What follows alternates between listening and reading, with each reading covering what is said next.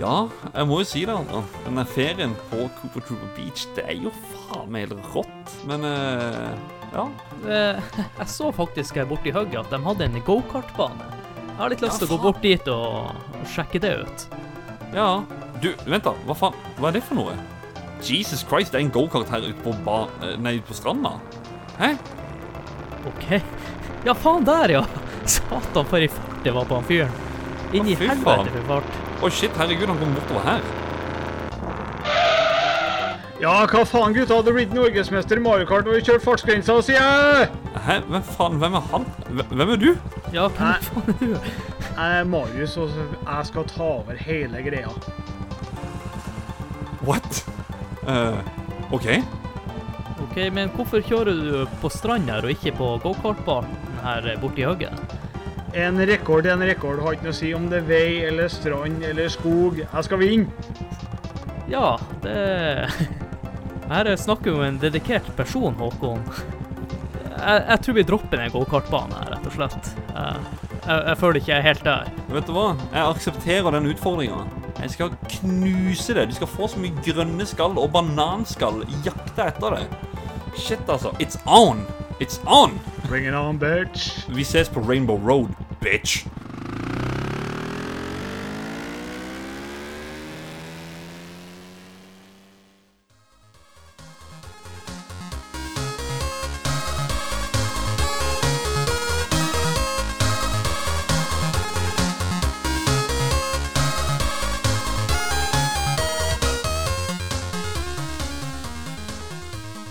Hallais, og hjertelig velkommen til Spill. Podkasten der vi snakker om eh, retrospill, men også nyere spill. Mitt navn er Adrian Haugen, og skal være programleder for denne episoden. I dag skal vi snakke om et spill som var med å starte en populær spillserie for Nintendo. Og det spillet vi skal snakke om i dag, er Super Mario Kart til Super Nintendo. Og med meg for å snakke om episoden her, så vil jeg ønske deg velkommen, Håkon Puntervold. Woohoo! Thank you, thank you.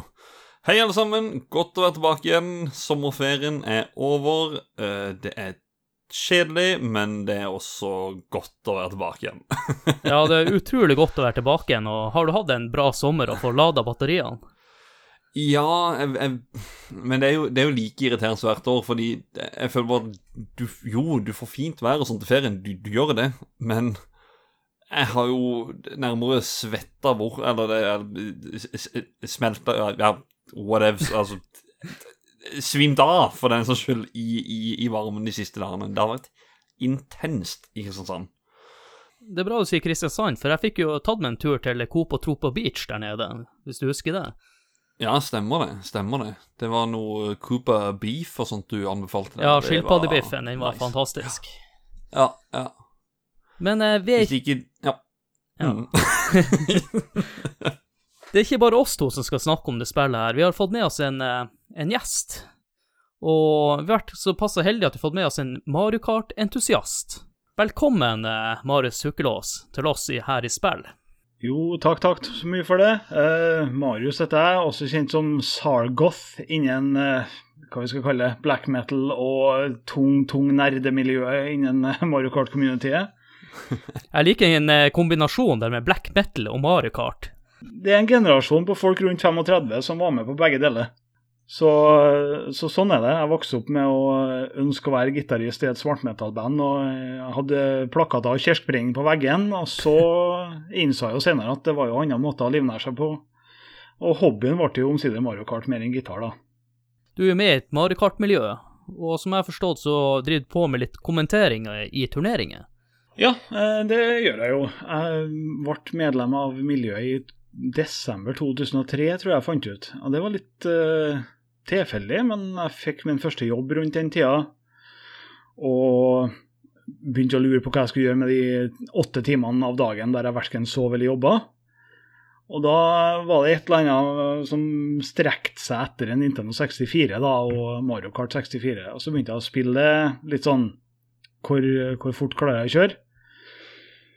Og så begynte jeg å lete på nettet, en og annen som driver med det her. Og det viste seg at det var ikke bare noen andre, det var hundrevis av andre som drev med det. Og etter hvert da så oppdaga jeg også den gamle barndomskjærligheten som var Super Mario Kart. Eh, det første Mario Kart-spillet. Som har en del andre egenskaper som ikke har blitt reintrodusert senere, men det kan vi komme inn på på et annet tidspunkt, selvfølgelig. Men eh, der eh, la jeg ned masse tid, fra 2000 tidlig 2004, tenker jeg. Og så, i 2006, var da det første internasjonale møtet mellom eh, folk i miljøet. Så da møttes vi i London, en gjeng. Um, og ja, rett og slett, du vet hvordan, du det er blant nerder. Man møtes, og så starter man et vennskap, og så Hei, går det 15 år, og så er man jo fortsatt venner. Det er litt som med meg og Håkon. det. Vi ble jo kjent gjennom retromiljøet her i Norge, så Ja, det, Ja, riktig. Ja, altså, mye, mye av dem er jo mine beste venner, og det siste, i hvert fall seks-sju årene, så har jeg blitt spurt om å kommentere VM da i Super Mario Kart. Og det har ikke passa bestandig, men de siste tre årene så har jeg gjort det. Og akkurat nå, når vi spiller inn i denne podkasten, så skal jeg egentlig kommentere time trial-turneringa i, i, VM. Men uh, jeg får ta det igjen i morgen. Ja, pro, litt, av, litt, av, problemet er at det ble jo eh, reiseforbud til det landet der det er VM nå, så jeg kunne jo ikke dra i vei uansett. Og hvilket land er det? det er, I år så er det i Nederland. Meste så har det vært i Frankrike. Du snakka jo litt om eh, Du fant tilbake din, eh, din første Mario Kart-kjærlighet, Super Mario Kart. Husker du første gang du spilte spillet, og hva var det med spillet som eh, fanga din interesse? Ja, det, det, husker jeg godt, men jeg, jeg, frykter at det er en historie som eh, nye ører ikke skjønner noen ting av. Så jeg var ferdig på skolen en fredag, tok bussen inn til far min. Og han var fortsatt på jobb, så jeg gikk inn til byen og var innom eh, videosjappa. Og der hadde de utleie av Nintendo-spill, og så hadde de begynt å få utleie av noe Super Nintendo-spill. Og etter å ha lånt uh, Turtles til Nintendo kanskje 18 ganger, så bestemte jeg meg for å låne et Super Nintendo-spill. da, For jeg hadde uh, Super Nintendo i ja, måtte ha vært 92. 93 en plass. Uh, og Super Mario World, men det var jo ferdig med samme kvelden som jeg fikk det omtrent. Så da tenkte jeg kanskje et annet Mario-spill, da. Og da plukka jeg med meg Super Mario Kart og inviterte en kompis på besøk.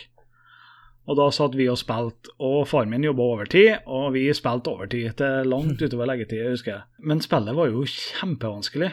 Så man opplevde jo en slags læringskurve og mestring veldig tidlig. Og det var jo ikke uvanlig blant spill på den tida. Men uh, det var noe som var veldig sånn nesten avhengighetsskapende av den måten Super Mario Kart fungerer på. Og det, Ja. det er derfor jeg har funnet igjen til det senere. Jeg liker du sier den uh, måten uh, din første opplevelse med spillet var på, for det var nøyaktig lik som min. Oh, ja. Bare at uh, han Håkon hvem det er, han Remi i eh, sidelinja, han eh, fikk meg til å leie det spillet på videoverden. Så da overnatta han hos meg, og så vi satt jo og spilte det også hele natta. Ja, riktig. Enn uh, deg, Håkon? Du er jo litt yngre enn oss. Ja. Spilte du Mario Kart 64 før der, kanskje, eller? Uh, nei um, Jeg har snakka om, om den samme kvelden i Street Fighter-episoden. Da var det at jeg hadde vært i en bursdag, og så uh, at jeg kom opp på loftet. Det, er liksom der at du husker sånn glimt ifra når du gikk i barnehagen. Så det, det, var sånn, det var ting som bare sitter printa inn i hodet ifra den tida. Og da var det jo at jeg kom opp på loftet, der satt min søster og min bror og en drøss av venner og spilte Street Fighter. Så bytta de, og så kom det en så fengende melodi. Og Mario, Luigi, alle disse her kommer kjørende på gokart. Jeg kan ikke huske at jeg spilte det noe særlig, men bare musikken, bare den introen som er der God damn! det er så Ja, det er utrolig fengende. Um, Så tror jeg vel ikke det var jeg kan, jeg, kan, jeg, kan, jeg kan egentlig ikke huske mer enn det. Og så har det gått over til Mario Kart 64, men selvfølgelig, da, siden jeg er en spillsamler, så er det jo dette her, her et spill man må ha en slik spillesamling, og uh, har prøvd det i etterkant, og ja, kost meg med det. Ja, du har jo litt sånn eh, klassisk gamerminne. Det gjelder litt for meg også generelt i spill. At ikke ofte du Mm. husker spillet, men musikken husker man veldig godt. Ja, det, den introlåta Vi eh, kommer sikkert til å ha det som noe pausemusikk i Ja. denne episoden, her, men det er, ja, den introlåta er legendarisk, rett og slett. Det er ordentlig happy eh, tunes. Koji Kondo som har lagd musikken, hvis det ikke tar helt feil. Kondo Boys. Ja, Condo Boy. Ja, det kan vi snakke om litt senere. Og når vi først er inne på Ja. introer, så tror jeg bare kjører med introen til eh, Få deg tømt. Woohoo! Det er på tide å få deg tømt. I dag må jeg bare fortelle om hva som skjedde på butikken. Ja, du vet, denne øla her, den er så sykt god. Det spillet her er jo helt fantastisk. Hæ? Tuller du med meg? Har du ikke prøvd det? Sjekk ut denne TV-serien. Herregud, så fet. Få deg tømt. Da, gutta, da er det på tide å få oss tømt, og eh, i dag kan vi begynne med deg, Håkon. Hva du Ja. har å fortelle oss? Du, jeg har, jeg har faktisk sånn tre ting, da. Eh, det har jo vært sommer, så det er jo, lista bygger seg litt. Eh, og jeg kan begynne med den første. Det er den der Apple eh, Xbox eh, Cloud-greia som ikke skal fungere på iPhoner. At, at folk syns at Apple begynner å bli så sære nå. Har folk begynt å åpne opp øynene først nå? Apple har alltid vært forbanna sære. De har hatt egen lader. Du må ha iTunes for å få telefonen til å fungere. De fjerner AUX, eller AUX-adaptere. Altså Og når det begynner å snakke om gaming, jo, da begynner det å bli sære. Folk. Dere skulle ha åpna de ørene for lenge siden. Neste, det er slutt å snus, begynn å jogge. For det har jeg gjort. Hei, hei, hei. Jeg var ute og jogga for en time siden. Jeg skjønner hva som skjer. Det er faktisk litt deilig. Og så har jeg slutta å snuse. ehm, to uker nå, så jeg er på god vei. Yeah, yeah, yeah. Har du funnet Jesus? Eh, nei, det har jeg ikke. Jeg har en eh, Funnet joggus, i hvert fall. Det var knips i en, i en eh, ølboks. Det er en Frydenlund fatøl. Mm. Og siste, den er spillrelatert. Det er en anbefaling. Uh, flere folk vet jo at jeg spiller litt Street Fighter av og til, og det er noe som heter Fightcade 2 som har kommet ut nå. Uh, Fightcade 1, det første, var en sånn online-tjeneste for Neo Geo og Capcom uh, beat em up og fighting-spill. Nå har Fightcade 2 kommet ut. Den har støtte for er det omtrent 7000 spill. Eh, Da er det alt fra Arcade, SNES, Master System eh, Altså faen meg Game Gear til og med der inne. Eh, hvor du kan spille da multiplayer online. Så Street Fighter 2, for eksempel. Super Street Fighter 2 Turbo. Det er sinnssykt populært der inne. De har fått et sånt ranked-system også, så nå er det litt sånn du Du har en score, da. Så hver kamp du spiller, har en betydning. Det hadde det ikke på forrige Fight Fightcade. Nei, det er absolutt også å anbefale folk. Og ja, faktisk, det spillet vi skal snakke om i dag, det kan du spille der inne. Og det er Jeg har aldri opplevd så uh, lagfritt som dette. Det er utrolig bra nettkode i, eh, i spillet, eller i, i programvaren. Så uh, anbefales Fightcade 2. Ja, og det er jo veldig viktig at det er lite legging i sånne typer spill. Det er akkurat det. Absolutt. Akkurat det. Enn eh, du, Marius, har du noe? Uh, jeg, jeg regner med jeg skal introdusere et nytt ord for dere. Mm. Og hvis det ikke er nytt, så tar jeg alle æren for at uh, dere har hørt Du er før. trønder, så det er, det, det er mange ord som kan være nye for meg. Absolutt innafor å anta det. Du, nå er det et ord jeg har brukt i hvert fall 15 år. Eh, men nå er det dessverre sånn at alle historiene mine starter med for 15 år siden. Så har tydeligvis blitt gammel. I hvert fall, det ordet er klaustrofili. Og det har jeg slitt med før. Men du ville satan hvor jeg har slitt med det nå etter den koronaepisoden vi hadde her i Norge. Jeg må bare spørre deg raskt, er det her som det han eh, Du liker å kle deg inn i en bag? Ja, det kan du tenke. Men uh, forklaringa kommer. Den er, den er litt mindre intim enn akkurat det. så eh, 13. mars, mener jeg, så stenger Norge. Eh, og jeg blir sittende hjemme i leiligheta mi med sønnen min i jeg tror det er 13 dager før vi, før vi åpner ytterdøra, altså. Og da er det, det er distansering på Da tror jeg det var to meter, nå er det én, men da var det to. Og ingen håndhilsing, ingen noe som helst. sant? Og når jeg først er på butikken, for man må jo på et eller annet tidspunkt ha bleier, eller våtservietter, eller mat, så jeg velger da etter 13 dager i total, brutal isolasjon å dra på butikken. Og det som møter meg da, er en flokk med idioter på butikken som tydeligvis har vært så deprivert av kroppslig kontakt at det føles ut som en orgie å gå inn på den butikken. Og jeg hopper unna folk, jeg dodger, jeg hiver meg veggimellom for å prøve å ikke bli for nærme, men de, de skal inntil meg. De, de har klaustrofili. Det er jo samme type menneskene som kommer ut av en heis og bare stopper rett utom heisen. Eller går ned i rulletrapp og står der og sjekker mobilen sin, sånn at de bak går inn i dem.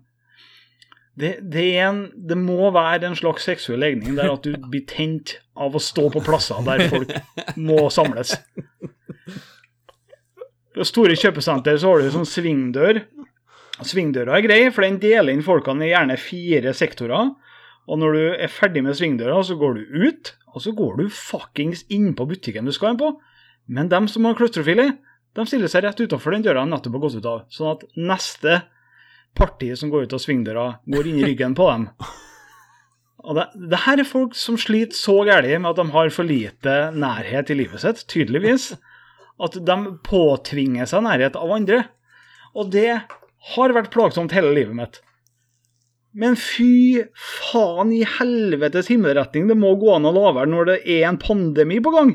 Jeg, jeg, jeg, er jo enig. altså Jeg, jeg ser jo fanken med altså Jeg, vil jo si Kristiansand så har vi faktisk vært ganske gode.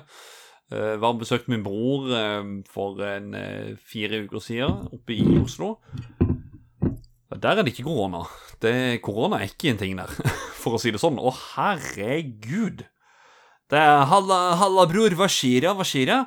Og så kaster de seg rundt og hugs, og, og det er jo alt. Jeg bare hva skjer? ja da. I bunn og grunn så er vi fortsatt eh, på samme stedet som vi var i den 13. mars. I bunn og grunn. Ja, vi er, vi, vi er kommet tilbake igjen der, men jeg, jeg skal jo si det at det er litt sånn det med avstand og det Jeg føler egentlig på at jeg har tatt litt mer avstand generelt, til og med ifra mars. Folk gikk jo litt tilbake igjen, var ikke så stressa. Jeg endte opp med liksom, Det går an å holde den avstanden, egentlig. Det går an. Vi fortsatte der vi var i mars, og holder avstand. Peroni er ikke over. Peroni er langt ifra over. det, er en, det, er en, god oppbluss nå. Eh, ja, absolutt. Jeg tror det går bra så lenge folk gidder å holde den avstanden sånn som vi har gjort. Så ja, så går det sin gang. Men mm. Jeg føler at uh, vi har fått sagt nok i forhold til tømspalten, så uh, jeg skal holde meg kortfatta. Jeg vil anbefale folk å sjekke ut en tysk TV-serie som heter Dark. Og før jeg hadde sett denne serien, så hadde jeg kun sett to andre tyske serier. Det var Derek og Hund Rex. Og jeg kan si at eh, Dark er ti ganger bedre enn de to seriene. Eh, jeg vil også oppfordre folk til å være tålmodig med denne serien her. Han tar seg opp etter episode tre eller noe sånne ting. Og så Hold dere for nå og syng høyt i fem sekunder, for jeg blir å forklare litt plottet. Og nå kan dere begynne å synge. Eh, det handler om tidsreise, og mer enn det vil jeg ikke si. Så der var du kanskje tilbake igjen. Og da tenker jeg at vi går over til neste spalte, og der skal vi snakke om eh, Super Mario Kart.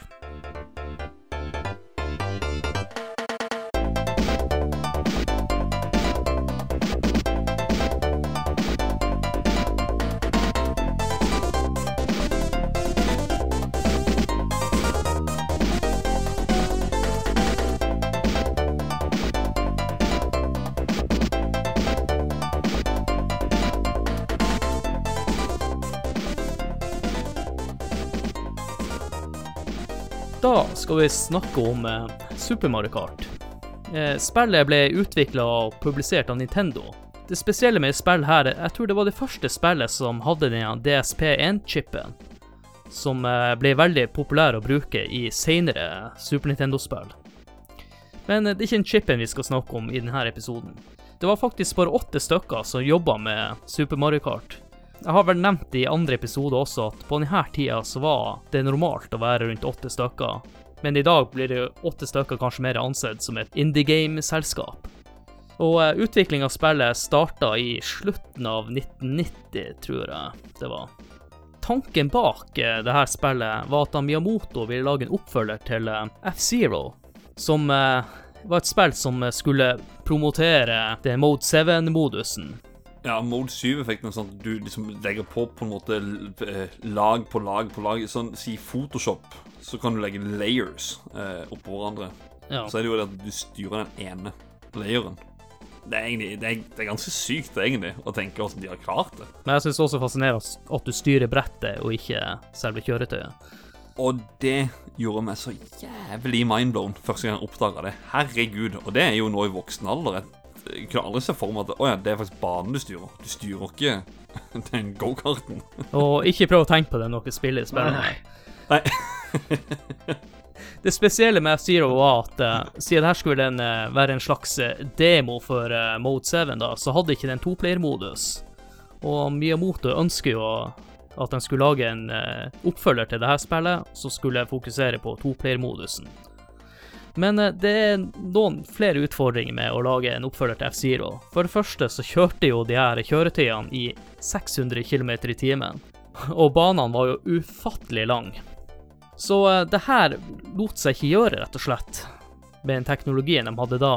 Så det er to ting de måtte gjøre. Det var å uh, halvere banene, og i tillegg senke farta. Det her måtte de begynne med litt brainstorming, da. De dro rett og slett ut på gokartbanen for å få inspirasjon til hvordan de skulle lage de her nye banene. Det resulterte i at de fant ut at det beste var å innføre flere svinger, de endte også opp med at gokarten lot seg egentlig fungere best som det hovedkjøretøyet til spillet her, for de kunne gjøre krappe svinger osv. Så, videre. så um, de begynte å jobbe med dette konseptet.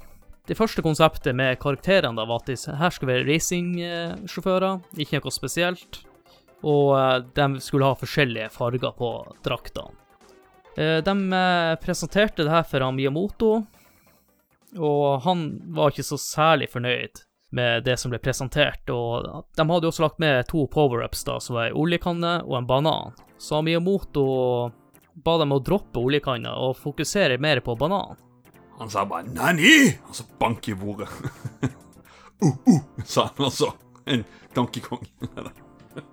så fire måneder ute i prosjektet så valgte de å hive inn en Mario.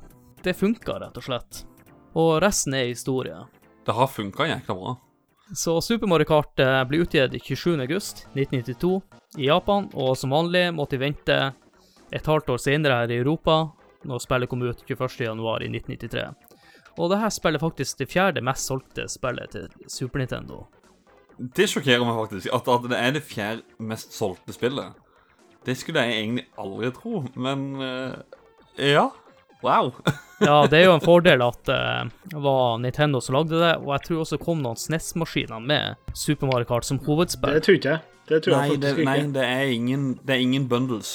Det er ingen bundles med Super Mario Kart. Kanskje det er noen uh, britiske, men uh, det er det. Nei, jeg tror ikke det var noen bundles med Super Mario Kart, nei, men uh, at det var et populært spill, fordi det var vel strengt tatt det andre Mario-spillet på Super Nintendo. Så du hadde Super Mario World, som gjerne var bundla, og så kom Super Mario Kart litt etterpå. Og det var jo et naturlig kjøp, på en måte. Alle var jo på Mario-kjøret på starten av 90-tallet. Men jeg er enig i Håkon at det er overraskende at det er det fjerde mest solgte spillet til Super Nintendo, ja. Ja, jeg hadde ikke sett for meg det, altså. Men herregud, Ja, det er kjempekult. Men jeg tror også at det, det var masse foreldre som kjøpte de spillene her, og Mario var en sikker vinner. Når Vesta hadde kjøpt Super Mario World, at ungen hadde det, så var det lett å finne et annet Mario-spill. Hmm. Som eh, jeg tror også var basert på det. Mario selger. Mario Veldig bra at Frida ikke kjøpte Mario is Missing, sier jeg bare. Og Marios Time Machine. Og jeg har spilt dem òg, vet du. Å, krise. Fy faen. Tenker Vi kan jo snakke litt om de karakterene som erstatta de eh, kjedelige racingsjåførene. Ja, for utgangspunktet så var det bare type mekanikere med jumpsuits i forskjellige farger. Ja. Og det er ikke noe, er ikke noe lang eh, stretch of imagination fra mekanikere i jumpsuit til Mario og Luigi, så jeg skjønner jo at de prøvde. Så da endte man opp da med Mario og Luigi, Peach Toad, Yoshi, Bowser, Copa Tropa og i en litt uvanlig turn of events, Donkey Kong junior. Uh, vet dere forresten hvordan dere ser at det er Donkey Kong junior og ikke vanlig Donkey Kong? Det er den hvite svømmedrakta. Ja, for det var noe med designet som gjorde at de bestemte seg for at det ble lettere å få det til å se rett ut med en drakt. Og, og samtidig så ble det da Donkey Kong Junior i stedet for Donkey Kong, da. Og en annen grunn til det var jo at eh, Donkey Kong Jr. hadde akkurat tiårsjubileum det året. Og i tillegg så Du nevnte jo en annen karakter her, som var Copa Ja. Det var siste karakteren, det. Ja, han var helt random plassert. For det, han var, det var en ledig spot der, og jeg visste ikke helt hva han skulle gjøre med den spotten, så da tok de Det har vært litt vanskelig egentlig å ta med en Gomba. Han har jo ikke armer. Nei, det er sant. Men, eh, men Cooper Trooper har jo heller ikke det. Jo, jo. Han har jo bare, han har jo bare fire bein som han går på. Ja, men uh, den funker som Arma Ja, ja han er Turtle. Han, han, han er det. Han har fått ooze på seg. Han har fått en mutagen. This one Cooper Trooper. Han ble en mislykka Turtles. Han er egentlig den femte Turtlesen som han Det var, det var Splinter kom inn denne morgenen og så at de lå svømt opp i den eh, mutagenen bare. Så, så ser han at fire av de muteres til til det Nina Turtles er, så er en annen bare sånn misforstått. Nei, Ja, ja. løper han bort, sparker han videre. Away! Og så ble han sparka ned i kloakken og havna i, eh, i Hva heter det Mario-verdenen? Inni Inn i. Mushroom Kingdom. Så det er sånn opprinnelsen til eh, er i det spillet. Jeg er glad vi klarte å løse det akkurat nå. Veldig fint. Det hørte dere her først. Ja, Yes. En veldig bra teori. Gå inn og så rediger på alt på Wikipedia nå. Men i tillegg så ga de jo noen spesialiteter til de her forskjellige karakterene, og det er ikke alle karakterene som eh, fungerer på samme måten. Og Marius, har du lyst til å forklare litt? Hva er forskjellen? Det, det her blir jeg bestandig spurt om når jeg kommenterer VM, eller når jeg kommenterer matcher generelt. Men, men det er helt innafor, fordi det, det spillet er så vanskelig å plukke opp og være god i. Alle sammen tror de er gode når de plukker opp, men å faktisk være god når de plukker opp, er kjempevanskelig. Og det har mye med, med karakterene å gjøre, fordi eh, Jeg husker ikke om du nevnte det spesifikt, Adrian, men de, ble, de som eh, produserte spillet, ble eh, bedt med ut på en gokartbane for å ta inspirasjon til fysikken i spillet. Og det som skjer da, når du svinger til venstre Hvis du kjører rett fram veldig langt, og så svinger til venstre, så har fortsatt gokarten momentum rett fram. Så det vil si, om du svinger til venstre, så går du fortsatt litt mot det som da blir høyre. Og det er ekstremt med de største karakterene, for de har størst motor, altså Bowser og Donkey Kong. Det er litt mindre ekstremt, men fortsatt veldig prevalent med Mario Luigi, som er de som har nest størst motor og toppfart. Mens med Peach og Yoshi så merker du mindre til det. De har mye skarpere svinging, men dårligere toppfart. Og Copa Troopa og Toad da, er egentlig nybegynnerkarakterene, for de kan du faktisk styre. Uh, mens de andre flyr litt rundt, med mindre du har lært litt hvordan eh, svingradiusen fungerer, på en måte. Så Copa Chopa og Toad er nybegynnerkarakterene. Alt andre er et vanvittig helvete. Ja, men der vil jeg bare eh, si litt, eh, for jeg er jo veldig glad i F-Zero. Og de har fortsatt kjørt videre på den mekanikken med de fire forskjellige kjøretøyene du kan bruke F-Zero. For der er noen som eh, treg akselerasjon, noen svinger bedre enn andre, osv. Så, videre. så de har videreført det på en måte i Mario Kart. Ja, det vil jeg absolutt si. Altså, det er fire par, ja. Eh, hvis jeg ikke var tydelig på det, da. Bowser og Donkey Kong har ingen akselerasjon. Det tar dem jeg tror det er definert som 6, mellom seks og sju sekunder å komme opp i toppfart. Men de har den høyeste toppfarten. Og den verste svinginga. Det er faktisk noe jeg husker nå. Eh, Men sånn som med, med Mario Kart 64 i hvert fall, så husker jeg at eh, med Bowser og Donkey Kong Hvis de kom kjørende bort i type Toad, så kunne de få han til å spinne. Det er en type waiting som eh, har med tyngde og impact å gjøre. Og den er også til stede i Super Mario Kart, men ikke på, ikke på eh, noe som helst måte lik en som i Mario Kart 64, da. For der er det jo spin-out, ja, som du sier. Ja, det var, det var bare noe jeg kom til å tenke på akkurat nå når du snakker om dette med vekt og, og dette her. Så Ja. ja. Jeg har bare litt lyst til å høre hva deres favorittkarakterer da i dette spillet. Ja, for meg så Jeg må jo ha den kjappeste karakteren hvis jeg skal ha noe mulighet til å ta Norges eh, rekorder, eller eh, gud forby verdensrekorder. For så mye tid har ikke jeg. Eller så mye talent har jeg heller ikke, for så vidt. Da er det Bowser, for han eh, ser tøffest ut, og ferdig med det. For alternativet Donkey Kong junior er ikke noe sjef. Så da er det, det er Bowser hele tida. Men eh, hvis jeg kan velge fritt, så tror jeg at jeg er en eh, Luigi-fanboy, altså. Fordi han har oransje sideburns. Og jeg er jo en eh, ginger-jævel. så det har egentlig blitt sånn. Så når jeg spiller flerplayer, som matchrace eller Grand Prix, så velger jeg Luigi. Fordi han er en blanding da, av det- topphastighet og manøvrabilitet, på en måte. Og du kjenner deg sjøl igjen i Luigi. Jo, jeg har faktisk oransje sideburns når jeg tenker meg om. Ja. Eh, litt i skyggen av Mario. Mario er litt for kommers for min del. Luigi, ja ja, spot on.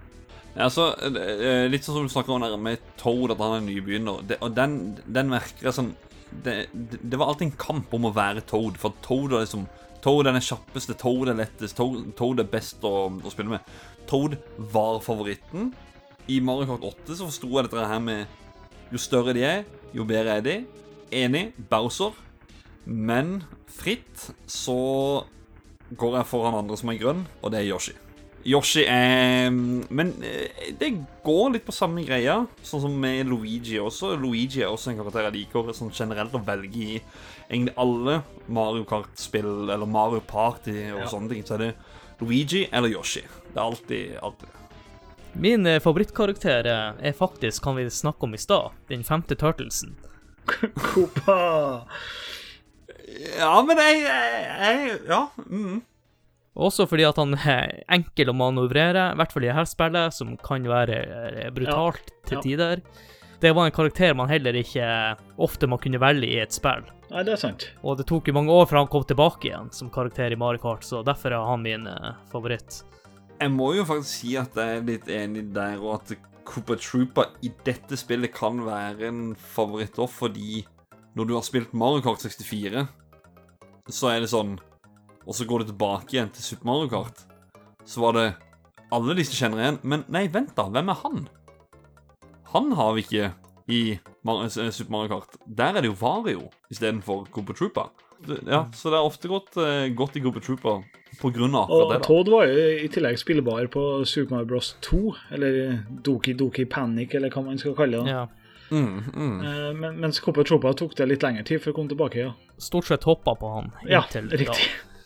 Han var med i Double Dash etter det. Jeg har litt lyst til å kjø snakke litt om eh, andre ting i spillet, som for eksempel at eh, spillet er delt opp i to skjermer, uansett om spillet er énplayer eller toplayer.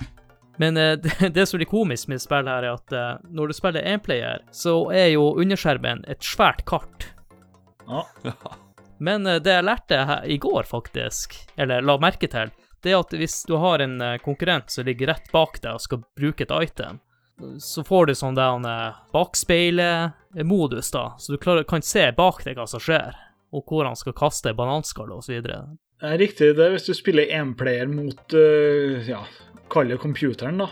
Og computeren bruker et item mot deg, så blir det bakspeilet i sånn ett sekund eller sånn, så du får mulighet til å reagere. For det, det kan vi jo gå gjennom fort, da. De forskjellige karakterene har forskjellige AI-items.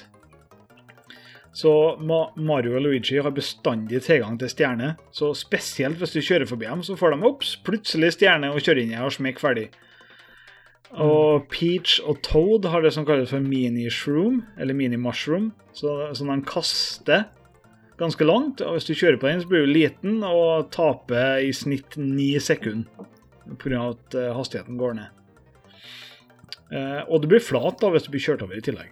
Så det er minilyn, på en måte. Er Det er som lyn, ja, på en måte. Det er sant. Lyn McQueen. Ah. Yoshi kaster jo Yoshi-egg. Eh, og han er the ultimate sniper i Super Mario Kart. Han er notorisk kjent for å ødelegge verdensrekordforsøk med å treffe noen i hodet, sånn at det ikke går an å dodge i det hele tatt. uh, og Bowser han har en sånn flammeball. Uh, på, nesten tenk Super Mario Bros. 1, men den oscillerer fra venstre til høyre og tar opp veldig mye plass på skjermen. Og det er den aller verste tingen å komme seg unna, så derfor velger veldig mange som spiller eh, speedruns, da, at Bowser er enten den du spiller med, eller den som er passiv player 2. For den vanligste kategorien er to player, men én player spiller. For å minke antallet motstandere og minke antallet øh, fiendtligheter på banen. Men også sånn type ting som f.eks. Vanilla Lake 2, så ligger det fire bananer ute på banen, og det er sånn forskjellige sånn hindringer. De halveres hvis du er toplayer kontra én, fordi at Super Nintendo takla ikke mer informasjon på en gang. Så ved å spille toplayer så blir spillet litt enklere. Så de fleste speedruns da er da gjort i toplayer-mode, med en player. Men jeg har også litt lyst til å snakke om eh, de kjøremekanikkene i det spillet her. Med drifting og styringa sjøl og responsen og Du vet når en drifter, så går en full sånn Fast and Furious Tokyo-drift. If you, uh, I wonder if you know how they live in Tokyo. If you seen it, then you mean it, then you, uh, then you know you have to go. Fast and Furious! drift, drift. Mm, sånn, det er det jeg gjør. Og så kjører jeg mål og vinner. Ja, For jeg spilte jo spillet her i går, og driftinga funker ikke helt på den måten den gjør i andre Mario Kart-spill. Nei. Det er sant. Eh, det jeg endte opp med i stedet for, det er å trykke fort på drifteknappen, som er hoppeknappen.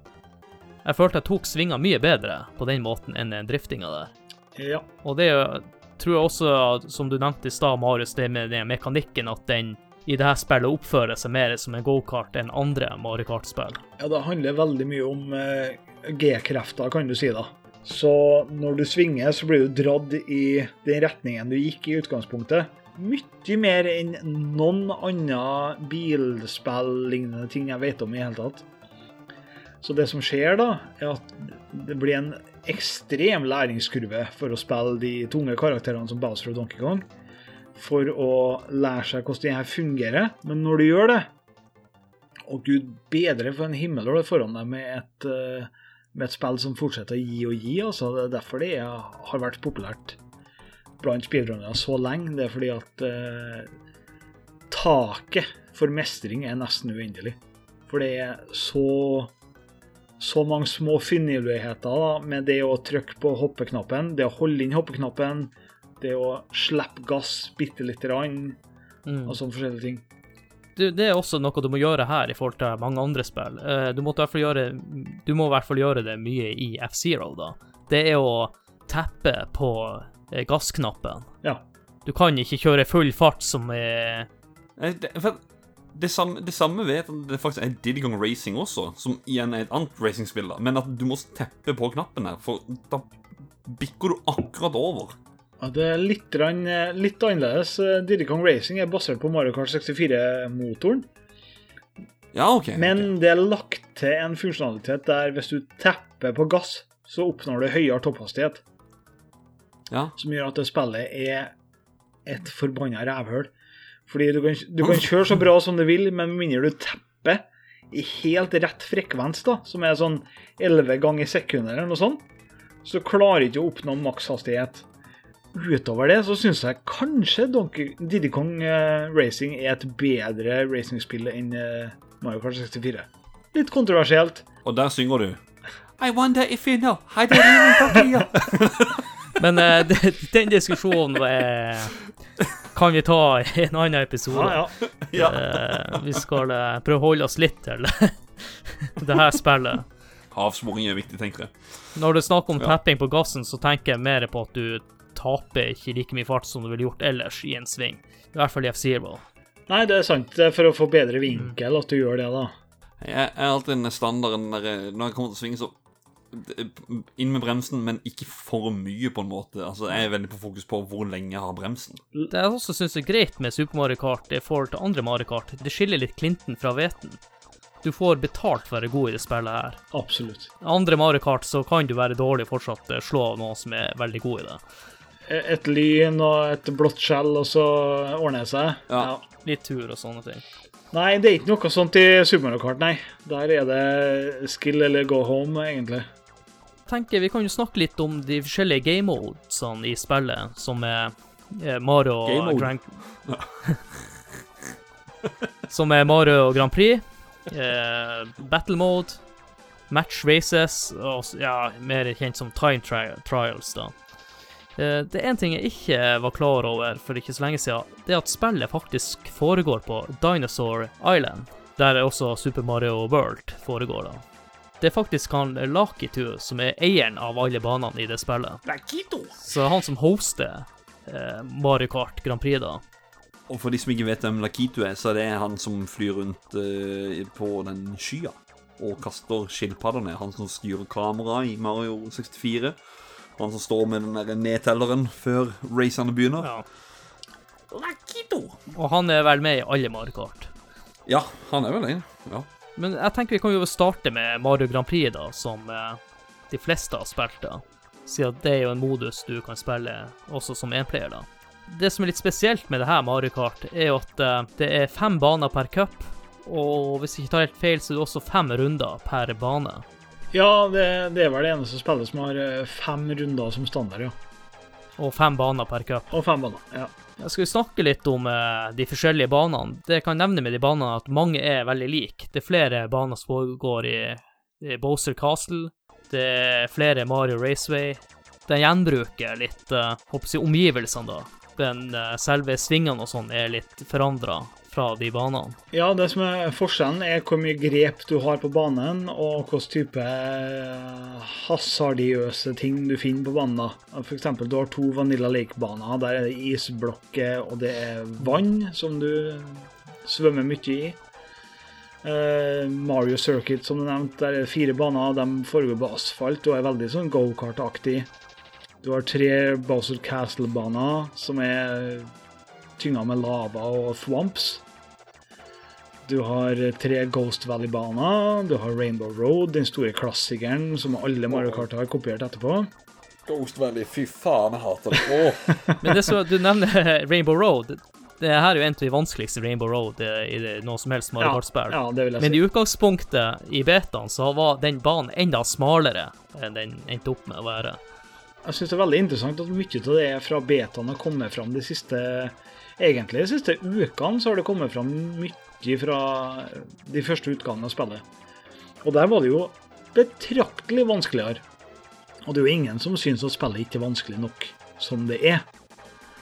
Så hvor populært det har blitt hvis det har vært så vanskelig som det var i utgangspunktet, det Ja, det hadde Mario-stempelet, men du verden for et slit det er å komme gjennom det spillet, egentlig.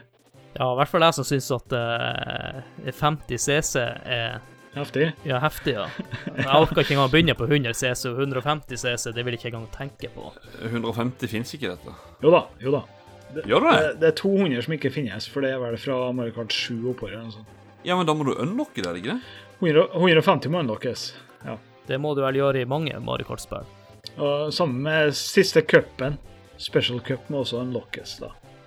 Special Cup eh, visste jeg måtte unlockes, men eh, du, det har jeg faktisk ikke runda mitt. Eller, jeg har ikke unlocka alt. Eh, Men jeg, jeg visste at Special Cup og den kunne unlockes, men uh, Dæven. Nå lærte jeg også noe.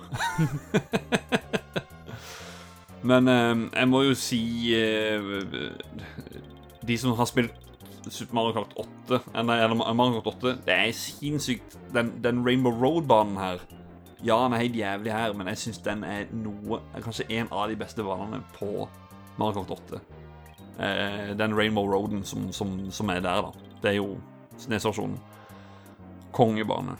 Men eh, det er faktisk en eh, hvis, hvis man tror at 150 CC er vanskelig spiller, så har du faktisk en hard mode i tillegg. Så den kan du faktisk eh, unlocke med at du går i karaktervelgeområdet, så kan du holde inne Y, og så trykke A. Det som skjer da, at den eh, eh, føreren du velger, vil starte som liten, men eh, karten vil kjøre i samme fart som normalt. Men hvis du blir påkjørt da, så skjer det jo det som bruker å skje når du er liten. Ja, Det var ikke jeg nødvendigvis klar at å visste om, men det er noe vi noen gang gjør da, for å utfordre oss sjøl på tøys når vi er med i VM og sånn. Men jo, det, det er hardmode, ja. Det er ballhardmode, rett og slett. Det er Ja. helt usaklig. Ja, nei, eh, det Dæven. Det var egentlig mye jeg ikke visste om dette her spillet nå, da. Hard mode og 150 Dæven. Men eh, når vi var inne på banene, så har jeg litt lyst til å høre hva som er deres favorittbane og hatbane. Vi kan jo begynne med deg, Marius. Du, jeg tror faktisk eh, Choco Island 1 og 2 må være yndlingsbanene mine. Og ikke fordi jeg er glad i sjokolade, men det er fordi de fungerer så godt i time trial, da, som er der jeg har lagt mesteparten av tida mi, egentlig. Det, det er bare noe med utforminga som gjør dem eh, veldig spennende og dynamisk, mens f.eks. Bowser Castle er alt annet enn dynamisk. Jeg spilte så sent som i går og kjefta en god del på Bowser Ja, Castle. det skjønner jeg godt. Enn eh, du, Håkon? Det- For fargenes skyld og alt sammen, så syns jeg egentlig den øh, Ja, hvilket nummer av de, det, det vet jeg ikke. En Mario Raceway.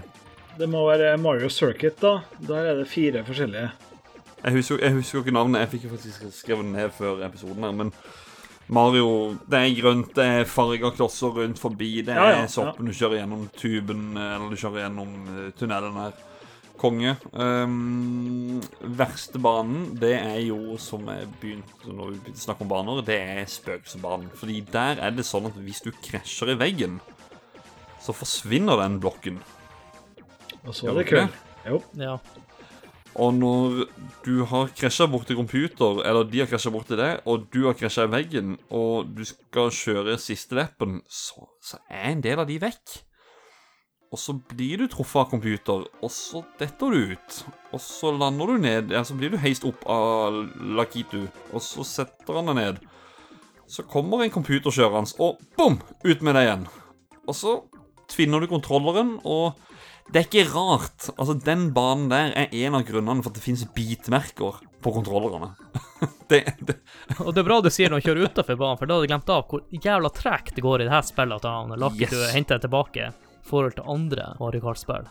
en un honorable mention for hatebane, det er de eh, strendene. Copa Beach. Hva? Ja, Coop. Ja. ja. Der det er vann Ja.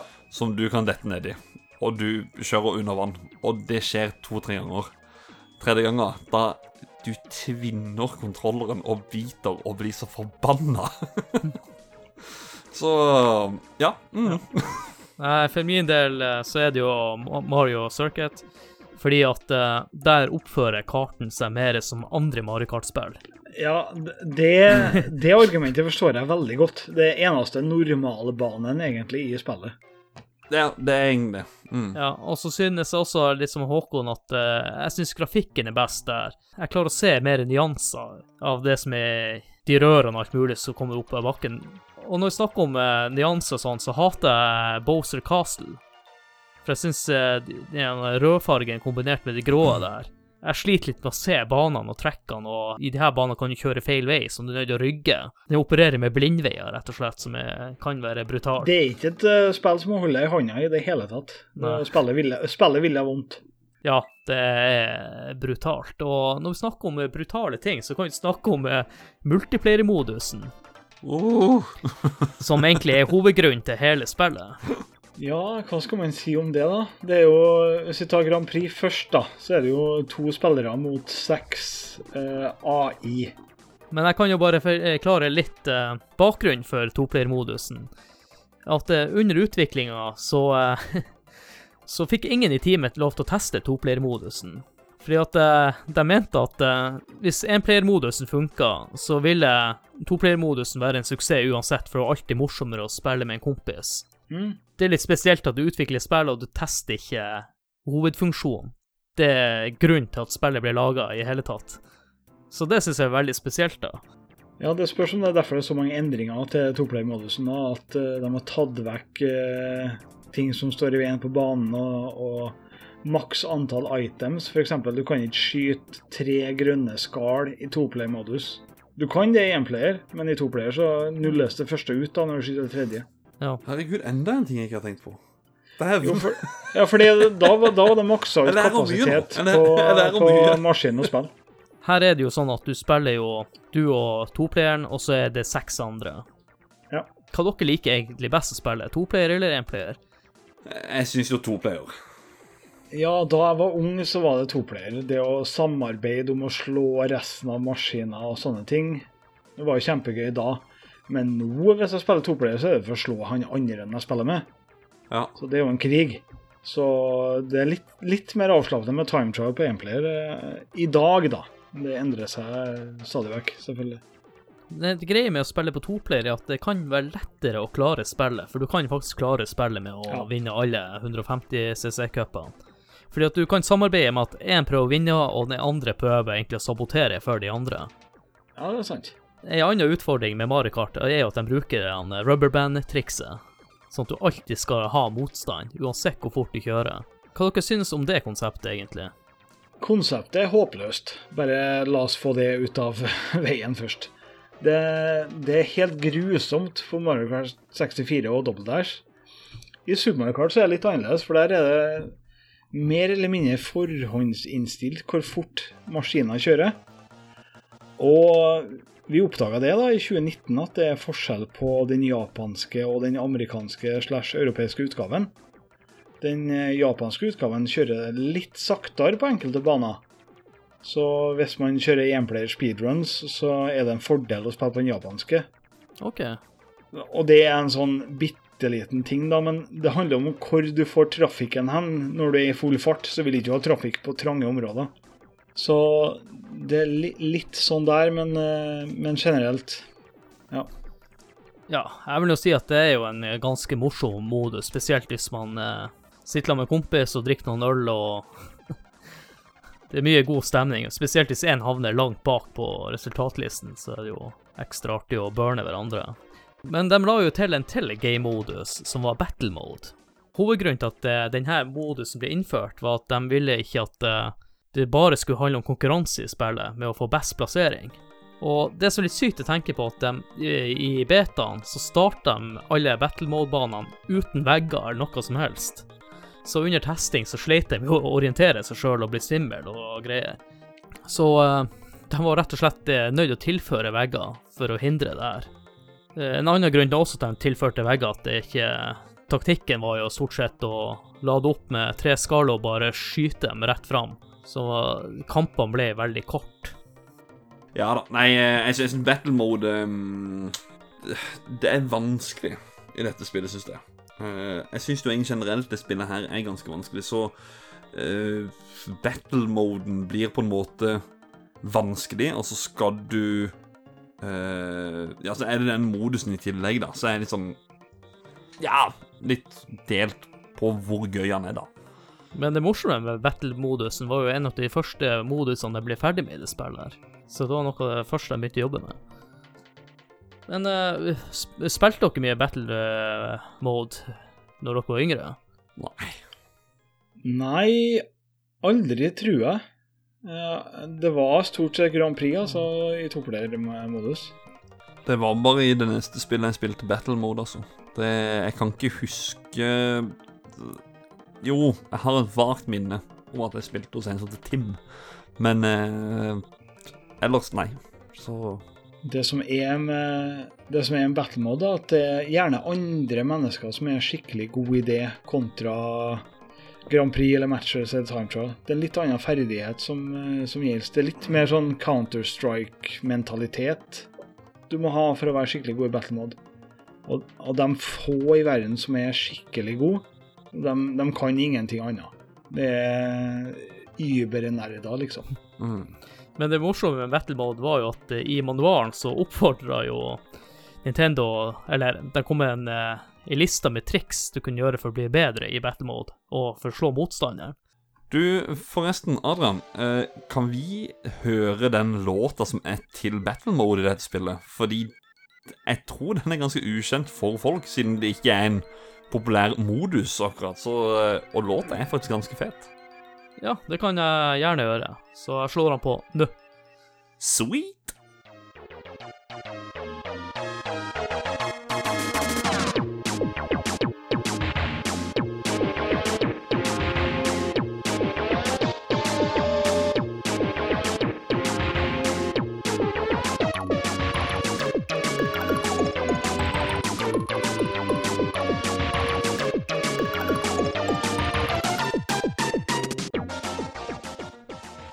Jeg syns faktisk den, det, den sangen der det er, det er en skjult perle, egentlig. Jeg, jeg syns den er Han er fett.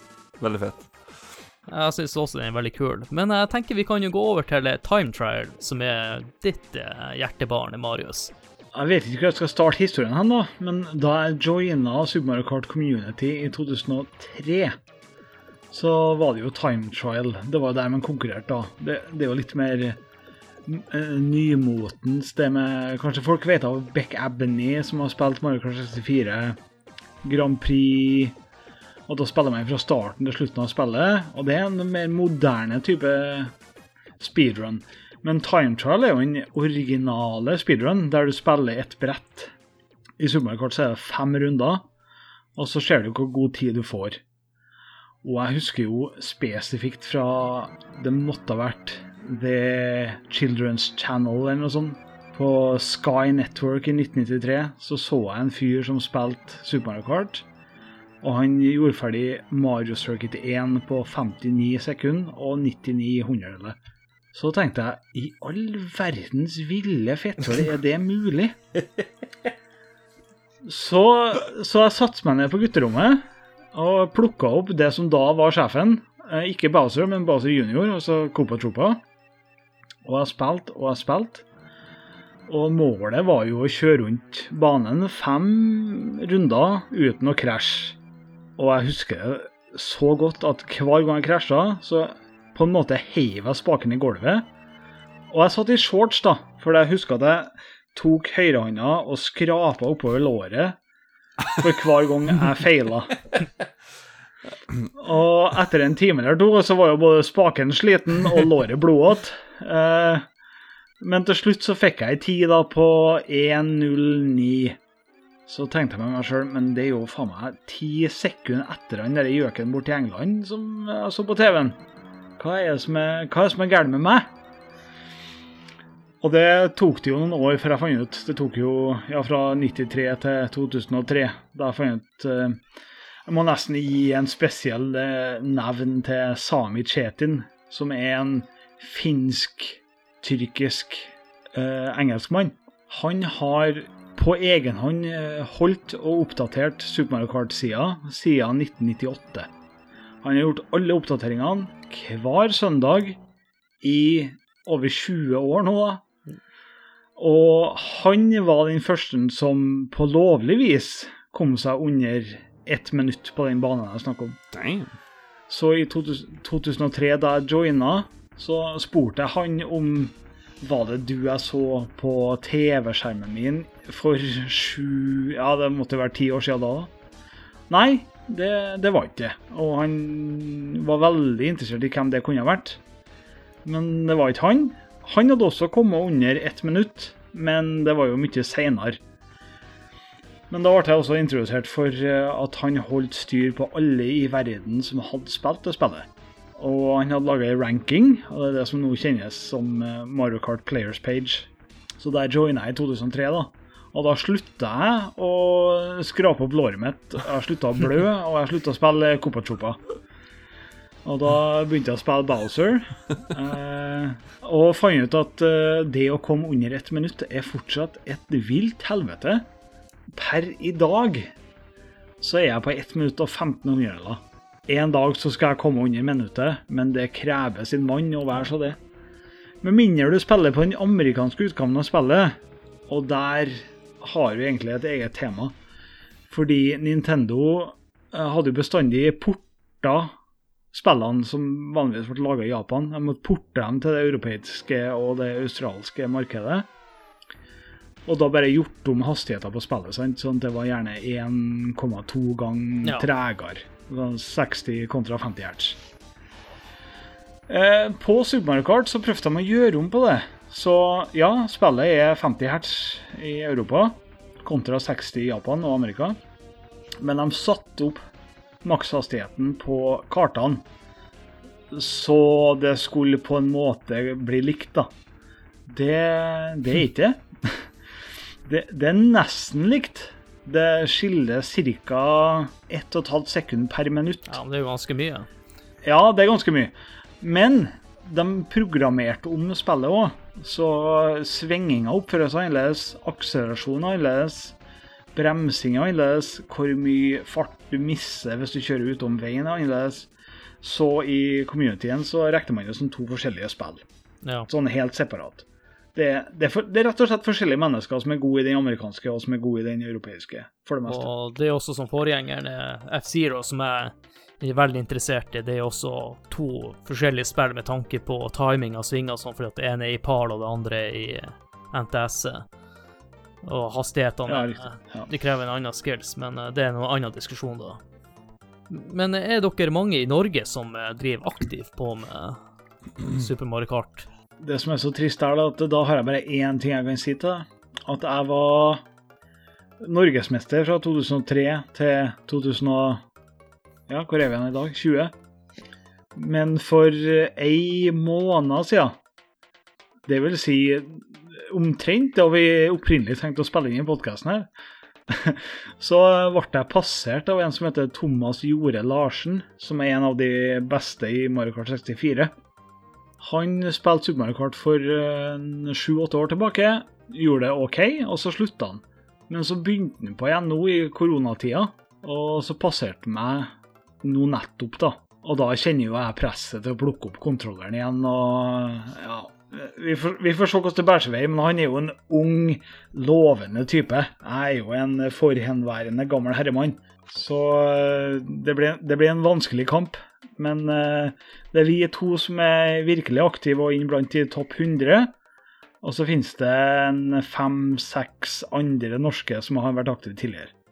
Ja, men eh, på det nivået du snakker om, jeg tror ikke folk er klar over hvor mye terping som egentlig kreves på å kjøre på det nivået, så det er ikke sånn at du kan spille en time om dagen. Nei. Eh, han som er verdensmester nå, er jo en som heter for Carol van Doivenboden. Han uh, er fra Nederland, og han har spilt aktiv siden ganske nøyaktig samtidig som da jeg joina i 2003. da. Og det tok han kanskje ti år før han kom opp på det, det toppnivået. Og han som er utfordreren hans, Julian Holmier, en franskmann, han jo var aktiv i tiår før noen begynte å bry seg om hvor god han var. Og nå er jo han kanskje den som er, ser ut til å være den egentlig beste i verden. Men vi snakker 10 000 timer, ja. Men eh, de konkurransene dere spiller, du nevnte jo VM og sånne ting, spiller dere på emulator da, eller spiller dere på den originale hardwaren? Da er det original hardware. Det er å kjøre rundt i landet og samle inn 20 CRT-TV-er. Og det er å sette opp og teste TV-ene for lyd og bildekvalitet og alt mulig. Og så spiller man head to head. Det kjenner jeg igjen. Det det er å hente til våre tester. Det er litt sjarm, da. Det er gøy. Ja, ja. Det er, det er litt sjarm. Jeg er jo en av forkjemperne for at man skal bytte til en ordentlig kabel fra RGB til HDMI-kabel uten eh, noe legg. De kablene koster 500 kroner, og de er vanskelig å få tak i, men vi må jo slutte med CRT-TV-er veldig, Hei. veldig snart. Fy Hvis du ser på webkamera Dere, dere, dere, dere, lytter Nei, det er mulig det er kontroversielt. Dere ser ikke hva Marius ser, men bak meg nå så, så ser du en Bang Olufsen MS, eh, nei, MX 6000 med RGB-switch med 1, 2, 3, 4, 5, 6, 7, 8, 9, 10 konsoller med RGB-signal. Ikke gå vekk ifra det. Aldri. HDMI, få det vekk. Det er ikke skapt for det. Jeg er også litt for den eh, sjarmen. og Ja. Det er en sjarm med og så er det sært. Ja. Jeg må bare også nevne retrospillmessa, som vel nå heter bare Retromessa. De er jo veldig flinke med å hente CRT-TV, og vi får spille konsollene på den eh, skjermen som de egentlig er lagd for. Jeg må bare si Jeg, jeg, jeg bare si det veldig kjapt. Eh, tidligere gjesten av Trond Han var jo en av de som henta veldig mye for disse her eh, Eller for, for retromessa. Som henta de gass-TV-ene. Og Bang Olufsen-TV-ene henta han mange av. Og de er så jævlig tunge. Altså, det er helt forbanna sykt. Altså. Han sleit jo nesten med ryggen etter å være ferdig med å løfte alt det der. Så skjønner jeg godt. vi får slitt litt når vi bærer rundt på alle de kaste-TV-ene. Det Den jeg har bak her, 30 kilo pluss, det er garantert. Jeg kan skyte inn en sånn tung, tung nerdeanekdote her. Det er at uh, dem som er helt i toppen i Super Mario Kart, dem sverger til Sony-TV-er som var brukt til broadcasting. Det vil si gamle CRT-TV-er som var knalldyr og hadde en uh, refresh-frekvens på langt over 60 hertz. Den uh, var på 120. Og de TV-ene veier bly, og de var stort sett brukt til produksjon av film og TV. PVM og BVM Og- heter de. Ja, riktig. Og de koster noe vilt. De er fra 10 000 kroner Ja, oppover. jeg liksom. kjøpte en, og den betalte faktisk eh, Jeg tror det var 1200 når jeg kjøpte den. Det, det, ja, det er faktisk en stund siden. Den uh, vet jeg at har steget i verdi, men uh, Yes. Men jeg De blir jo dyrere og dyrere. Ja, jeg kommer jo eh, på en liten ting vi har eh, glemt å nevne tidligere i denne episoden. Det er jo power-upsene i spillet har blitt en standard for alle andre Mario Men det er jo en item her som vi kan prise oss lykkelige over ikke eksisterer i spillet her, som er blåskalle. Ja, det starta først på neste spill, ja. Men eh, som du sier, det, her var kanskje det første ordentlige bilspillet med items som kunne avgjøre. Ja. Altså, du hadde kanskje typ Top Gear, der du hadde noe nitro og sånn type ting. Men i Super Mario Kart så har du altså Du har grønt skall som du kan skyte på folk, og de taper seks-sju sekunder av livet sitt. Du har rødt skall som er varmesøkende og har samme Men devastating det, effekt. det, det rødskallet er, det er ikke like effektivt som det ble i, i senere spill. Så ofte opplever jeg at jeg bommer med det. Ja, riktig, fordi banene er så små. Så du må kjenne banene og vinklinga på skallet ganske godt da, for å bruke det effektivt. På toppnivå så er det veldig, veldig lett å bli skutt i ræva, for å si det sånn. Eh, Men på sånn casual-nivå så gjør ikke rødskallet så mye i det spillet her som i senere spill, nei, det er sant. Og i tillegg så har du gjerne tre av dem, da. I Mario Kart 64 og Double Dash og sånn, så har du tre som sirkler rundt deg som beskyttelse og Så liker jeg den lyden når du kaster skallet. det er så deilig lyd når, den, eh, når du kaster rundt skallet. Men eh, det er en annen ting også med de power-upsene her, det var jo at Nintendo ville skape en eh, annen dynamikk i racene, da. Det er jo derfor også lynet blir introdusert. Lynet var vel det siste itemet som ble laga. Det var sånn comeback mechanic. Eh, Så når du plukker opp et lyn, og du bruker det, så taper alle andre spillerne mellom seks og sju sekunder, pluss at de blir små og risikerer å bli kjørt over og flat, og, og generelt tape eh, alt håp.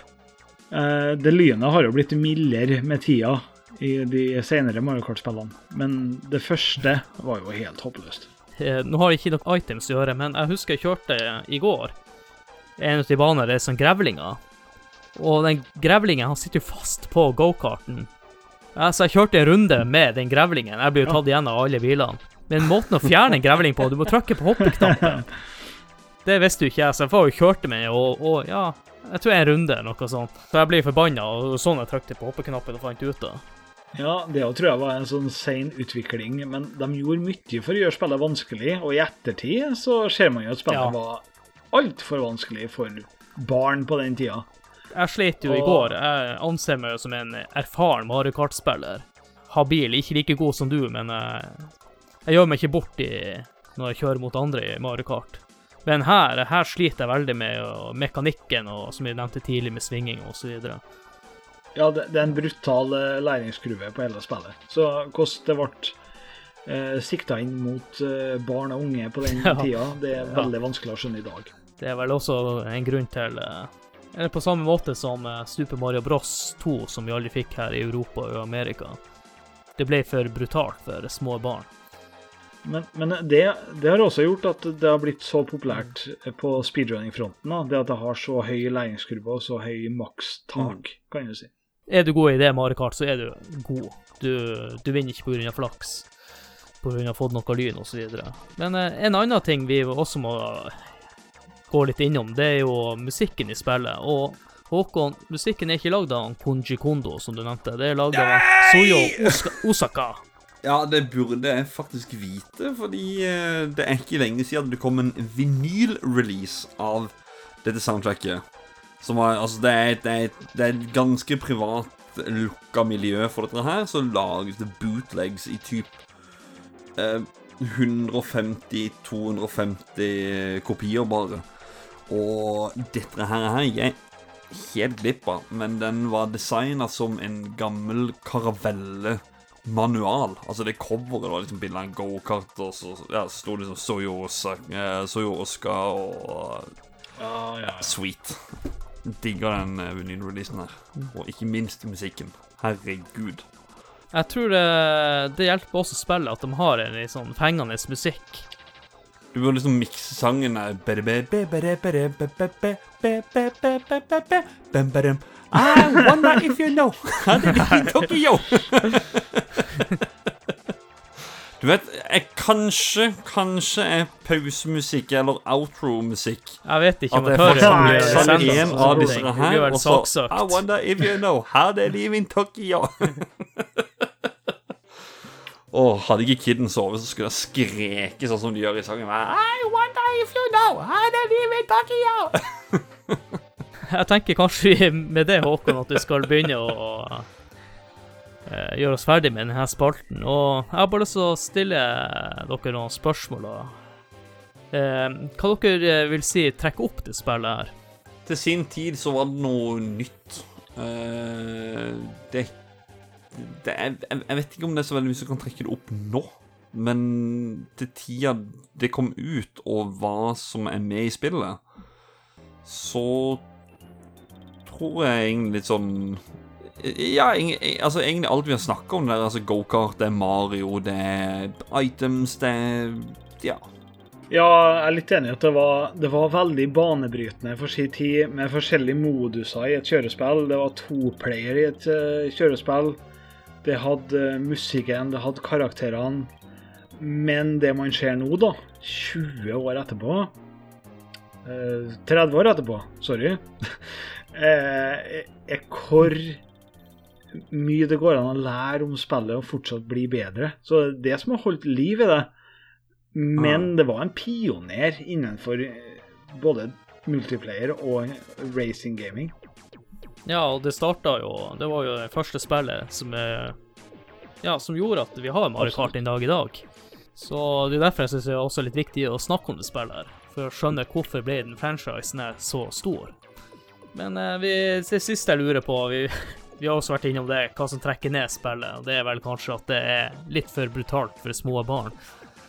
Det er brutalt, men jeg kan også si at eh, Si sånn som Nei, nei, nei, vet du hva. Jeg, jeg, jeg, nei, jeg kan heller tou- touche inn på det når vi snakker om rating, faktisk. Eh, en Ja. annen ting som jeg også la merke til når jeg spilte på nytt igjen, det er grafikken og sånne ting. Det har litt med vinkling av kamera i forhold til F-Zero. Jeg synes at det er litt vanskelig å se ting. Det er litt sånn uskarpt i horisonten, og i eh, kjørespill Mm. så er det viktig å se langt fremover, og ikke jeg holdt på å si, bare i bilen som er rett foran deg. Ja, du har et godt poeng. Det, er- det er noe man blir vant med når man spiller det altfor mange timer. Men det er noen unøyaktigheter i måten den Mod 7 er brukt på. og Hvis du svinger i en helt spesifikk vinkel, så ser ikke du de grønne rørene før de er oppi trynet. Det, det er litt Ja. sånne ting som eh, Jo, jeg kan godt gå med på at det trekker ned.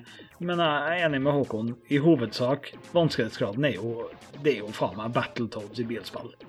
På mange måter. Ja. Ja, ja, ja, absolutt. Absolutt. Og når vi først er inne på det, så tenker jeg at eh, da kan vi egentlig bare begynne å snakke om ratinga til spillet. Eller snakke om spillets rating. Eller vi, Vi kan, eh, vi kan gi spillet en rating. Da tenker jeg at vi bare gir spillet Eller da går vi over til eh, hvor vi skal rate spillet. Take 29. Det kommer til å Det sto helt stilt Det, bare, åh.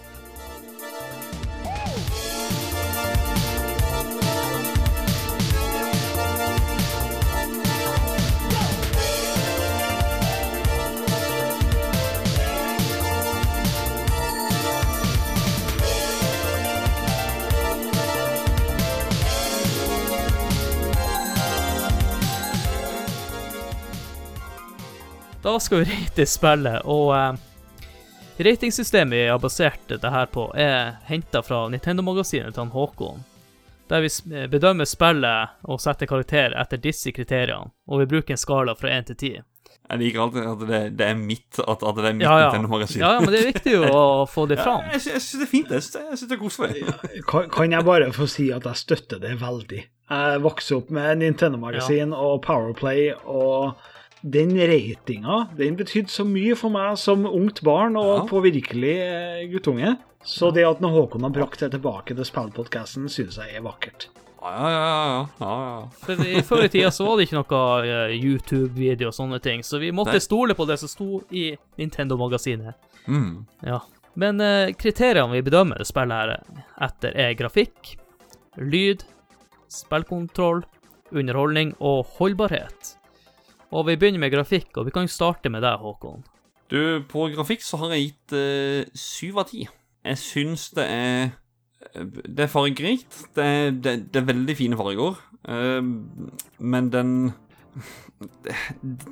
Den speil... Den delen her spiller litt inn på spillkontroll og grafikk, da, men Mode 7-effekten er liksom ikke helt top notch, som gjør det litt sånn eh, eh, Jeg vet ikke. Syv av ti. Jeg er litt enig. Eh, Jeg vil nok gi åtte av ti. Eh, Det trekket går på Mode 7-implementeringa, som da var veldig tidlig, og det skjønner jeg. Eh, Men grafikken er kornete. Ellers er den veldig fargerik og vibrant, og det er forskjellige baner, det er tydelige karakterer. Ting skjer på en flytende og fin måte, så åtte. For en gangs skyld så skal være han mest negative. Og eh, jeg gir det en sekser. Jeg tenkte, du gir ikke en femmer nå? Det strekker ned, at jeg syns det er kornete. eh, eh, I hvert fall Bowser Castle videre syns jeg egentlig er helt jævlig å spille Det gjennom. De, de, de beste banene, sånn som eh, Mario Circuit, den ser jo fin ut, men det er noen baner jeg syns bare ser helt jævlig ut. Men her har dere den o store grunnen for å ha CRT-TV-er. For CRT-TV-er, gode CRT-TV-er, har scanlines. Scanlines, du kan ikke emulere det. Det, det Nei, det går ikke. Og, Og spillet er Og, det, og det, det, det tør jeg nesten si grunnen for at den Bowser-banen kan være, føles kornete ut. Det er fordi at han egentlig skal jobbe med scanlines. Jeg vet om flere spill på type Nes hvor bakken jobber sammen med scanlines. Så Men eh, det er jo naturlig, det, Håkon, for at det var jo det som var monitoren på den tida, og de tok jo hensyn til sånne ting når de lagde det. Så derfor CRT Ja. er best. Marius. Nei, Jeg, er jeg er ikke nødvendigvis uenig. Nei. nei da. Men eh, da går vi over til kategorien lyd. Jeg skrev åtte, men eh, jeg sleit med å si åtte av ti. Jeg, jeg bikker nesten over på en ni av ti, men Nei, åtte. Åtte av ti. Det er noen, noen låter er mm, ikke fullt så bra som alle andre, men absolutt. Altså, spillet har sinnssykt bra soundtrack, men det er ikke, det er ikke der, altså. Det er ikke helt, helt på topp. Ja, øh, nå er jo dette et spill jeg har brukt kanskje mellom 3000 og 4000 timer på. Så alle typer menylyder og lyder som gjentar seg i banene og sånne ting, har jeg hørt så mye at de er som et gnagsår i trommehinna mi. Eh, musikken er ikke dårlig.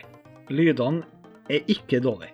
Men det er få, de er kort, og de er ikke så spennende. Så jeg tenker sju av ti på, på lyden. Den er på ingen måte dårlig, men den konkurrerer også med Super Nintendo, som har noen soundtracks som er helt fucking fabulous. Så sju. Eh, jeg hadde tenkt å gi en ni, helt, helt til du argumenterte her, Marius, så det får en åtter hos meg. Dæven, vet du hva? vet du hva? Nå tror jeg faktisk det er åtte. Ok, vet du hva? Nå spytter jeg på de to andre. De gir sikkert en ni og ti eller et eller annet, og, og det jeg sier, er sikkert så feil for de. Men eh, jeg får bare gutse på, tenkte jeg. Ja.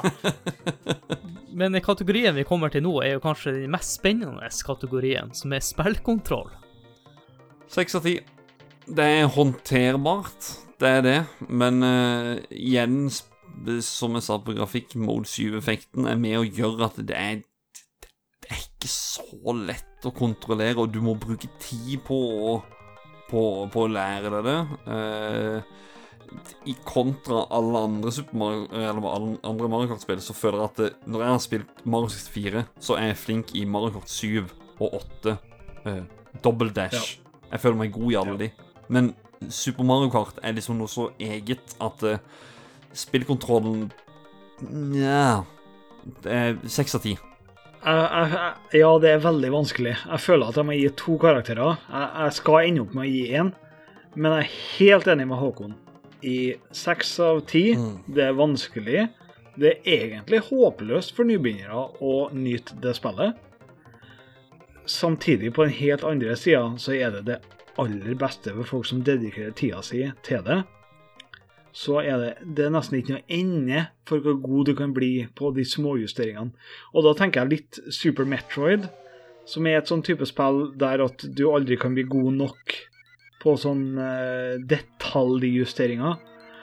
Så potensialet til Super Mario Kart har jeg lyst til å legge på ni.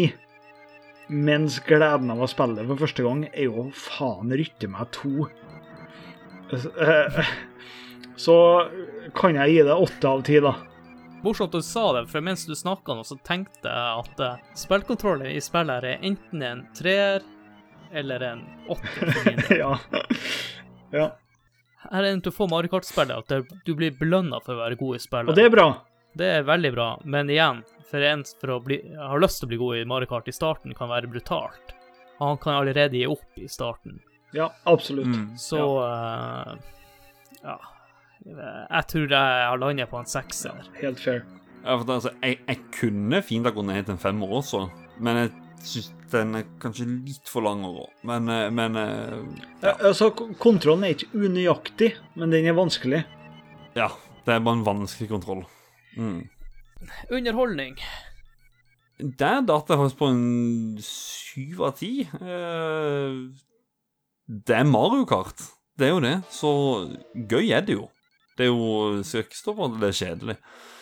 Mm, det fins bedre i spillserien, så gå jo heller for de, og de scorer noe høyere. Eh, så ja, derfor syv av ti, egentlig. Det, det er nesten litt nivårelatert. Hvis jeg skulle ha spilt med en kompis nå, så har det vært fire av ti. Hvis jeg, hvis jeg har Ja. med en som er på nøyaktig mitt nivå, så snakker vi ti av ti. Mm, Men mm. den generelle opplevelsen min, da, når jeg reiser rundt og jeg er med på VM, eller jeg spiller med folk over nett, der må jeg faktisk gi ni. For det er så forbanna artig når ting klaffer, og spillet fungerer, og du får utbytte av alt du har trent på. Da gir det mye tilbake. Men du verden, du må gi mye først. Så det er ni av ti med forbehold. Eh, For min del så er jeg litt splitta her også. Jeg syns eh, spillet er morsomt og kan være brutalt. Jeg tror jeg sier en syver her òg, på underholdning. Jeg syns det var morsomt da jeg satt og spilte i går, og jeg syns det også var morsomt tidligere i sommer. Eh, Da jeg spilte med kompis og drakk noen øl, så var det like morsomt da. Så det får en sju av ti. Så da er egentlig bare ett eh, punkt igjen, som er holdbarhet. Det vil si, hvordan har spillet holdt seg i dag? Det er der jeg har lavest score ut av alle. Det er fem av ti. Eh, grunnen eh, legger jeg veldig mye i Jeg har noe som heter Retro City, hvor vi stiller ut konsoller. Med å eh, nevnt før Jens Olav, eh, god kamerat, som vi stiller ut konsoller på diverse små arrangementer. Og da har vi sånn som Super Mario World, eh, Super Mario 3, disse gamle klassikerne. Kidsa elsker det de syns jo det er like gøy som eh, Super Mario eh, til, til, til Switch og sånne ting. Koser seg like mye med det. Jeg kan si 190 sikker på at de, de ville aldri ha kost seg med dette hvis de hadde spilt type Mario Kart 8. Og det å plukke det frem nå, si du har ikke spilt det på hva da, 20 år det, Jeg tror det sitter langt inne og skulle kose seg eh, Du må gå inn for det, tror jeg. Så hvis, hvis, ikke du er Hvis ikke du er Ja. For den all-around-typen, så tror jeg det at å, å, sette seg ned med det Jeg tror faktisk de må bruke tid på å sette seg ned for å skulle kose seg med det spillet. Ja, eh, dessverre ganske enig, altså. Det, det, er et umulig spill å plukke opp for en 16-åring i dag. Det er helt håpløst. Eh, for mm. en som spilte et par ganger på 90-tallet, fortsatt helt håpløst. For noen som har spilt det litt nå og da, hadde noen kompiser som spilte Hadde kanskje en periode i sånn type 2004 der de spilte et par måneder da, da vokser verdien, da. Det er en veldig bratt kurve, kan du si. For de fleste så er gjenspillbarheten lav. Vi snakker tre-fire. For dem som har spilt det mm. mer, så øker det. Så hvilke karakterer jeg skal gi, vet ikke jeg. Men eh, hvis jeg skal være litt nøytral, så må jeg kanskje gi seks, da. Selv om jeg syns i dag det er kanskje artigst å spille toplayer. Jeg er helt enig med Håkon og, og enig med deres begrunnelse, så jeg gir det en femmer uten å ha ja, si noe mer enn det. Det står overraskende likt her, egentlig. Det var, det, det var sånn det, Ja, ja, men det, det, det, var Det var gøy. Ja, men det er jo bra at man i hvert fall får en på Eller at man synes som Ja, altså, jeg, jeg føler at jeg kommer til å hate det spillet. liksom som at Jeg, jeg, jeg føler at jeg kommer til å så, liksom, nesten si som at jeg hater dette spillet, mens dere to kanskje elsker dette spillet. så... Men ja, nei, det er godt vi er enige. Og da tenker jeg at vi går over til lyttespalten vår.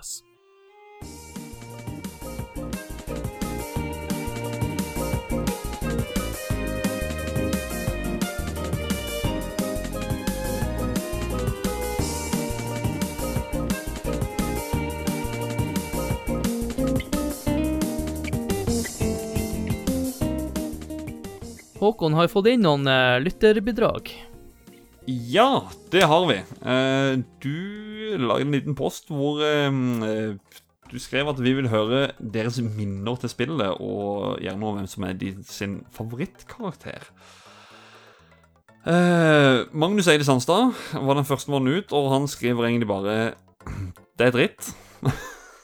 Han er jo med i noe som var i Ære dritt, og de testa jo spillet, og de fikk jo de inntrykkene vi har snakka litt om nå nettopp.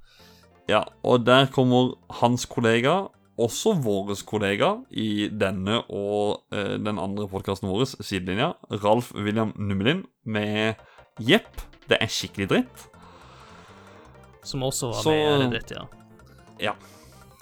Nestemann da er Otto Erlend Gregersen. Tap etter tap etter tap i kjellerstua til Vidar. Eh, det har dessverre ikke holdt seg særlig godt, iallfall ikke i forhold til oppfølgerne på Nintendo 64, GameCube og Wii. Favorittkarakteren hans er selvsagt Yoshi. Otto Mamman. Da deler vi den. Yes. Uh, Ivar hadde det gøy med det, samt at det er starten på en veldig bra spilleserie, men det er vel ikke like greit uh, Men det er vel like greit å la det bli liggende i skuffen, er det ikke? spør han. jeg kjenner meg igjen, i hvert fall. Jeg har um, en hylle med snespill her. Jeg, sist jeg tok det jo, jo, jeg tok det ut i forbindelse med denne episoden, men ellers har det bare ligget på hylla. ja, og siste er Lars Øyvind Helden. Han skriver Toad er favoritten her. Uh, liker at den er lett å styre, ellers havner jeg i grøfta hele tiden. Uh, spiller det så å si aldri nå, for det finnes bedre alternativer, men spillet har sin sjarm. Og det er jo egentlig veldig mye av det vi har snakka om. At det har sin sjarm. Det har jo det, og det er starten på noe vanvittig bra. Men det har ikke holdt seg like bra. Nei, jeg føler vi har dekket mye i denne episoden her, så Håkon, du kan jo pitche podkasten før vi slutter av her. Ja. Uh, hva nå enn du hører på, uh, om det er en podcast addict, er det Spotify, er det iTunes, følg oss. Uh, gjerne del episoden du hører på. inne på iTunes så har jeg sett nå at, går, at, vi har kommet opp med en sånn toppliste der, og den har vi kommet ut at folk har rata oss. Og Det setter vi umåtelig stor pris på. Så liker du podkasten, gjerne gå inn og senger du opp en sånn femstjerne der. Det er da helt konge. Ellers så kan du gå inn på Facebook og like oss der. Trykk på følgeknappen der også. Det er jo spill. S-P-E-L-L. Og så har vi et Discord-community. Det Altså, det er vår Facebook-community-gruppeaktig greie. Altså, Discord det er der vi samler community våre da. Uh, altså dere lyttere. Så uh, gjerne stikk innom der. Eh, Link til den skal finnes inne på Facebook-sida vår. Og ja, måten for å støtte spill, om du ønsker det, det er rett og slett å bare tipse venner. Dele episoder. Uh, ja. Det, det er i grunnen det. Ja, det er også en mulighet å være med i episodene, som Marius her er et eh, eksempel på. Der han hadde gjerne lyst til å være med og bidra til den, denne episoden, da. Så det endte jo opp med at han også ble gjest. Så da er egentlig bare for meg å eh, si takk til deg, Håkon. Jo, det var godt å være tilbake igjen. Deilig at ja. sommerferien er over. Det er nesten litt galt å si, men uh, herregud så godt det er å være tilbake igjen. Så starter vi på podkastkjør igjen.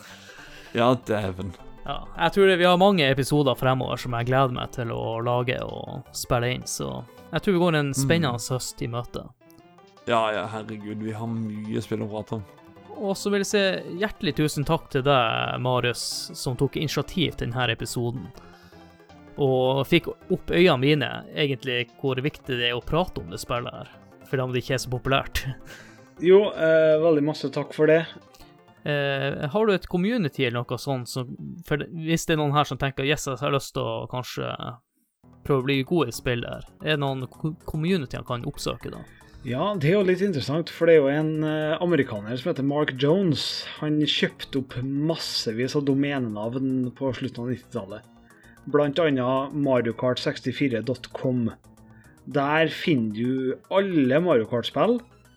Eh, hovedsakelig Mario Kart 64 finner du når du logger inn, da. men du finner også Super Mario Kart, Double Dash, Wii, DS, Super Circuit, 7, 8, 8 Deluxe Tror kanskje ikke jeg glemmer noen nå. Men eh, han Mark Jones der har kjøpt opp alle de eh, domenenavnene og drifter uh, sjøl eller via andre oppdateringer av hvem som har de beste rundetidene på hver enkelt bane i hvert enkelt spill fortsatt. 30 år etter. Det er helt rått, altså. Vi, vi liker sånne ildsjeler. Ja, det finnes noen. Det er kred, kred som du synger etter. Det er virkelig. Og eh, med det så vil jeg egentlig bare si eh, ha det! Ha det! Yep. shalabais. Ha det!